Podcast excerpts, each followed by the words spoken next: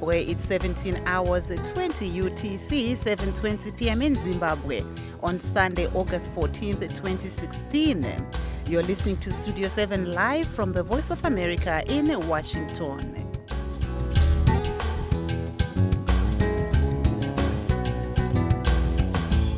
Thank you for joining us this Sunday evening live from Washington. I'm Marvelous Mhlanga Nyahuye.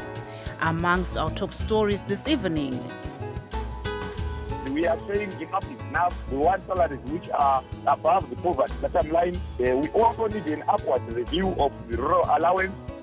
the Rural Teachers Union of Zimbabwe will tomorrow embark on a 200 kilometer march from Murewa district to Harare in protest of political violence amongst its members, poor salaries, and failure by government to improve rural schools. special economic zones are a death threat for Zimbabwe. History has reflected the world over that these special economic zones are nothing but labor camps where people are abused and we must condemn it and criticize it with every word that is positive. Trade unions castigate the proposed special economic zones bill due to be signed by President Robert Mugabe. it's very important for us to include men and boys in the fight for the protection of the girl child. Because in as much as we want to have uh, the, the emancipation of the girl child without involving men and boys, we wouldn't reach our targeted goal. Shamwari Mwanasikana, an organization that protects the rights, launches the Men as Role Models program to encourage men to respect the rights of women and girls. And as usual, we give you the Youth Forum with Tatenda Gumbo. These stories and much more coming up. Stay tuned.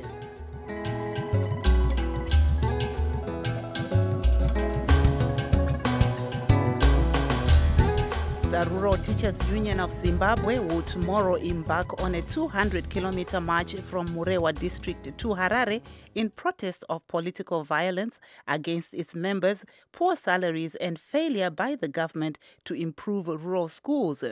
They're expected to drop off petitions at, at educational ministries along the way as they march to Harare on foot.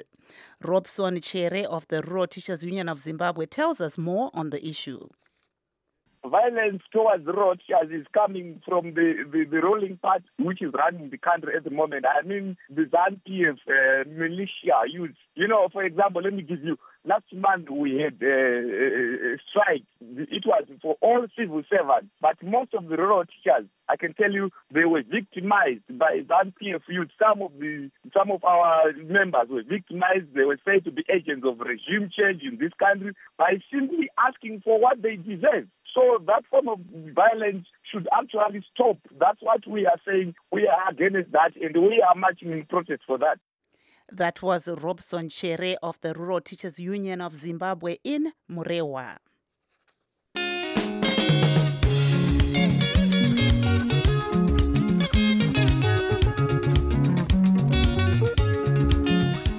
The Trade Union Congress of Zimbabwe and other unions, including the Zimbabwe Congress of Trade Unions, ZCTU, have castigated the proposed Special Economic Zones bill due to be signed by President Robert Mugabe.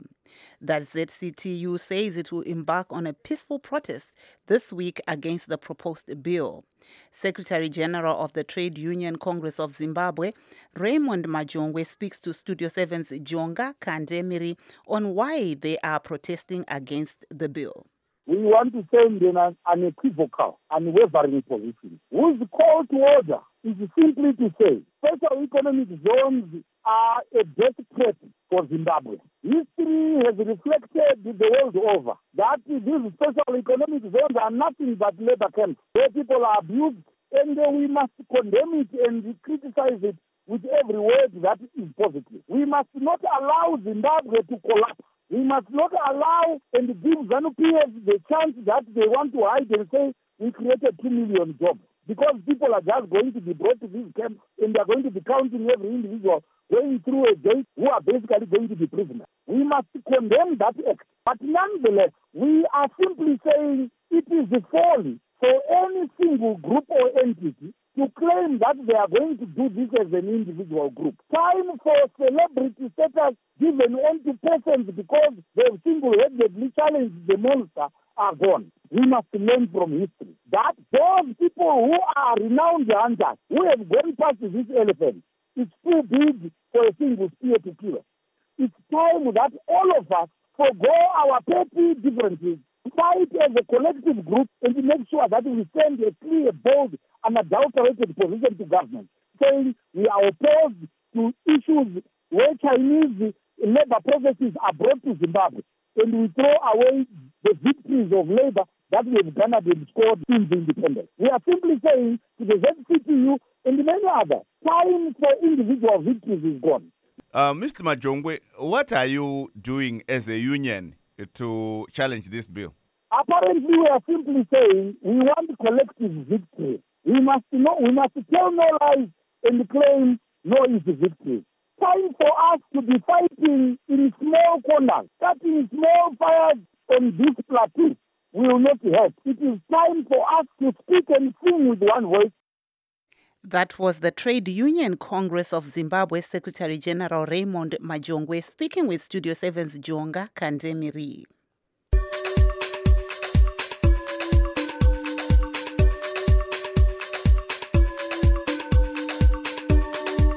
Shamwari Mwanasikana, an organization that fights for the rights of children, launches the Men as Role Models program to encourage men to respect the rights of women and girls this Tuesday at Alliance Francaise.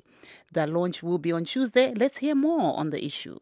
My name is Chakanetsa Ruzvidzo. I am the programs manager at Shamwari Mwanasikana, the exclusive friend of the girl child. On Tuesday, the 16th of August, we have a program which is dubbed Men as Role Models launch, which is uh, going to be held at Alliance Francaise Harare, where our guest of honor will be the Honorable His Excellency, the Ambassador of Canada to Zimbabwe, His Excellency Kumar Gupta. This program is running with the theme creating champion men from being perpetrators to being protectors of the girl child. What has led your organization to thinking of launching this program? We noticed that it's very important for us to include men and boys in the fight for the protection of the girl child. Because in as much as we want to have uh, the, the emancipation of the girl child without involving men and boys, we won't reach our targeted goal.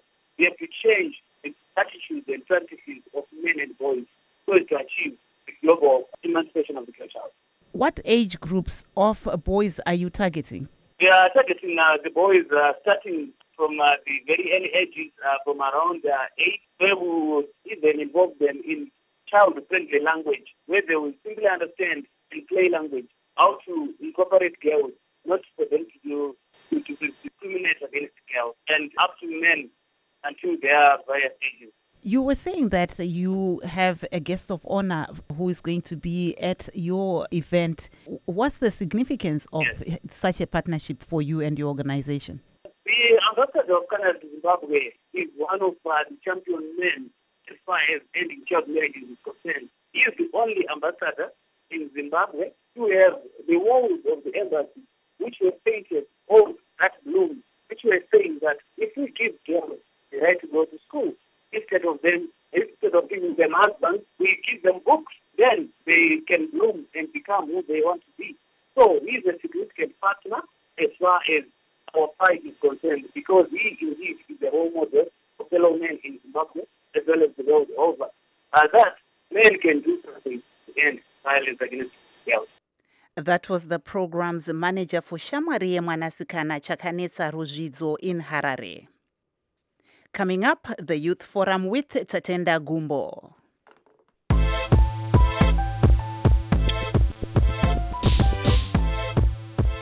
You are now listening to the Youth Forum, your forum focusing on your issues. And today I'm gladly joined by a young Zimbabwean here in the United States. That is Mike Howe. Uh, Mike is a radio professional in his own right and uh, doing a lot of other things. Mike, thank you so much for joining me today.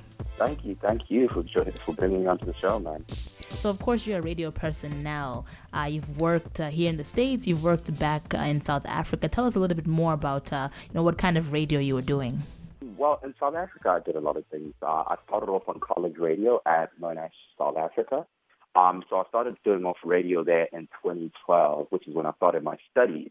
I'm a journalism student, so it was just something that I got into naturally. My father also being a, someone that's in the media world, it's something I've always been interested in. And so I got into radio alongside a couple of my friends, and I haven't turned back since. Now, radio itself uh, is ever evolving. You know, I think uh, our parents' radio is very different from the radio that we have uh, nowadays, and also content. Can you talk about the content that you've seen? Well, one thing I've come to discover is as generations have changed, as young people, we seem to learn a lot more from entertainment than we do from books and all these political topics, etc., etc.. And so, what I've noticed with radio now is young people are more engaged in things that they find a lot more entertaining than they do find a lot more educational. And so, when the focus is a lot more on entertainment, but you find a way to slip in education through the entertainment, they tend to catch the message a lot more than they do if the actual core thing is education or politics or you know they tend to focus more on the entertainment things. You know as someone who uh, is working in radio there's also the advent of social media and you know the internet. How much is that uh, affecting in a good or bad way a positive or negative way the work that you're doing in getting your content out there? With regards to social media, I think it's very important in this day and age, especially if you're talking about radio, because kids don't listen to radio as much as, you know, the older generations. Now kids are listening to radio more when they're in their car and they're playing music. They don't really listen to talk show radio as much as back in the day.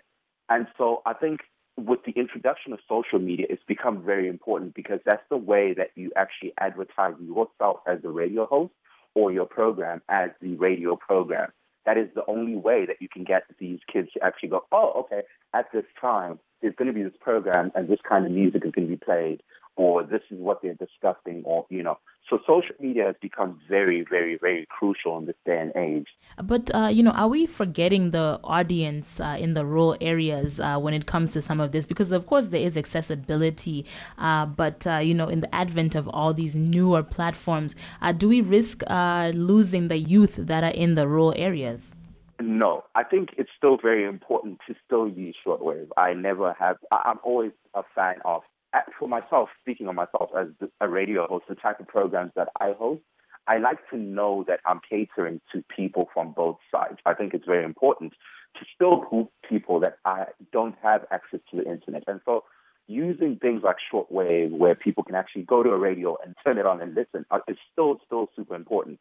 But, you know, within this day and age, as much as some people don't have access to the internet, etc., there's still a huge chunk of people that have transitioned with the time and that now have access to the internet.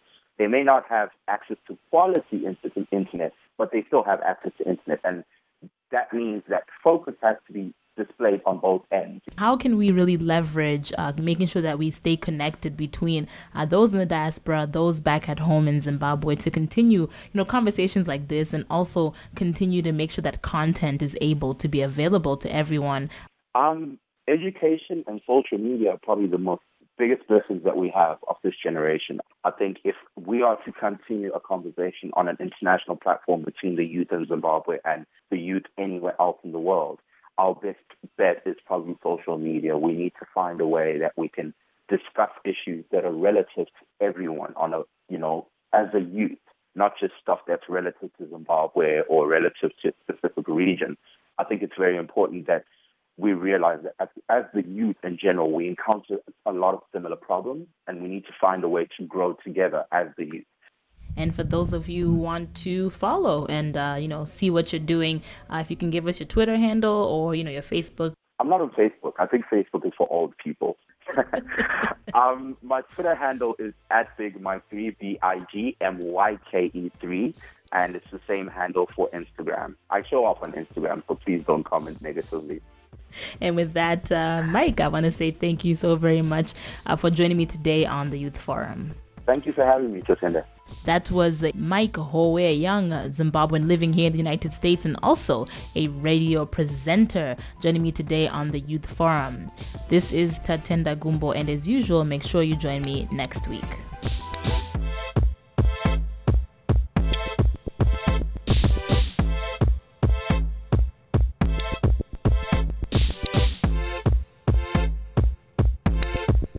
Thank you there, Tatenda Gumbo.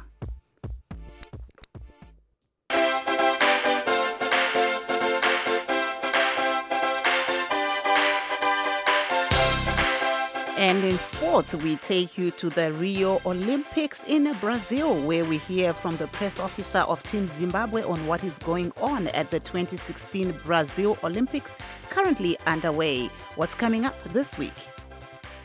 Hi, this is Merit uh, the press chair for Team Zimbabwe. Well, this coming week, we are all excited because we are going to be having our marathon lady, Nyahora, going in for the big event. This will be her first Olympics, and she's exuberant, she's buoyant, she's excited. She has been running a training because she arrived here in Rio on the 8th. So she says she is ready to be uh, representing a nation at this big stage. Tell us a little bit about Brazil. What is it like rubbing shoulders with the who's who? We are used to seeing people on TV, but you are literally seeing them right there in front of you. You were witnessing Kirsty, you've been witnessing the United States collecting medals, you've been witnessing other countries. What is it like?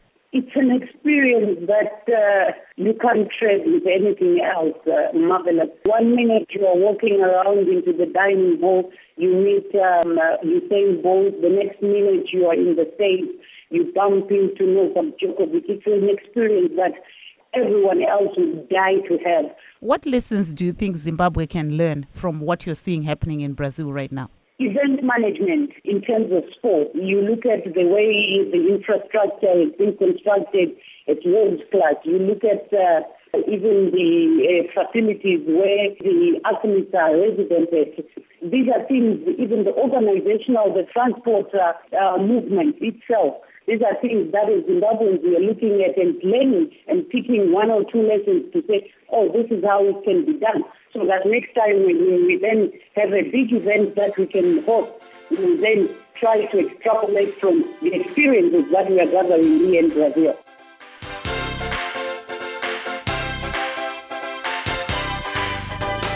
That there was Merit Muzwambiri, the press officer of Team Zimbabwe at the 2016 Rio Olympics in Brazil. And now we give you the music of Cynthia Mare with Daijai Vira going out to you from Studio 7 here at the Voice of America in Washington.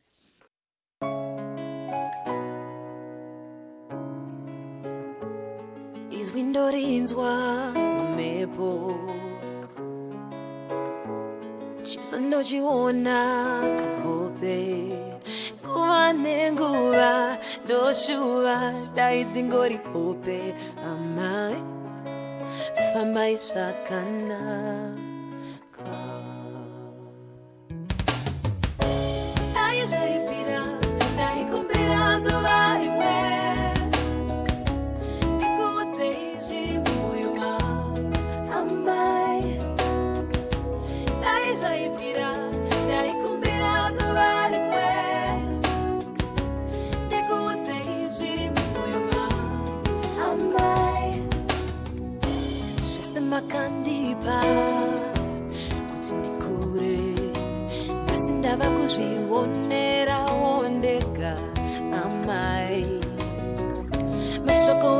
wenyu ndakachengeta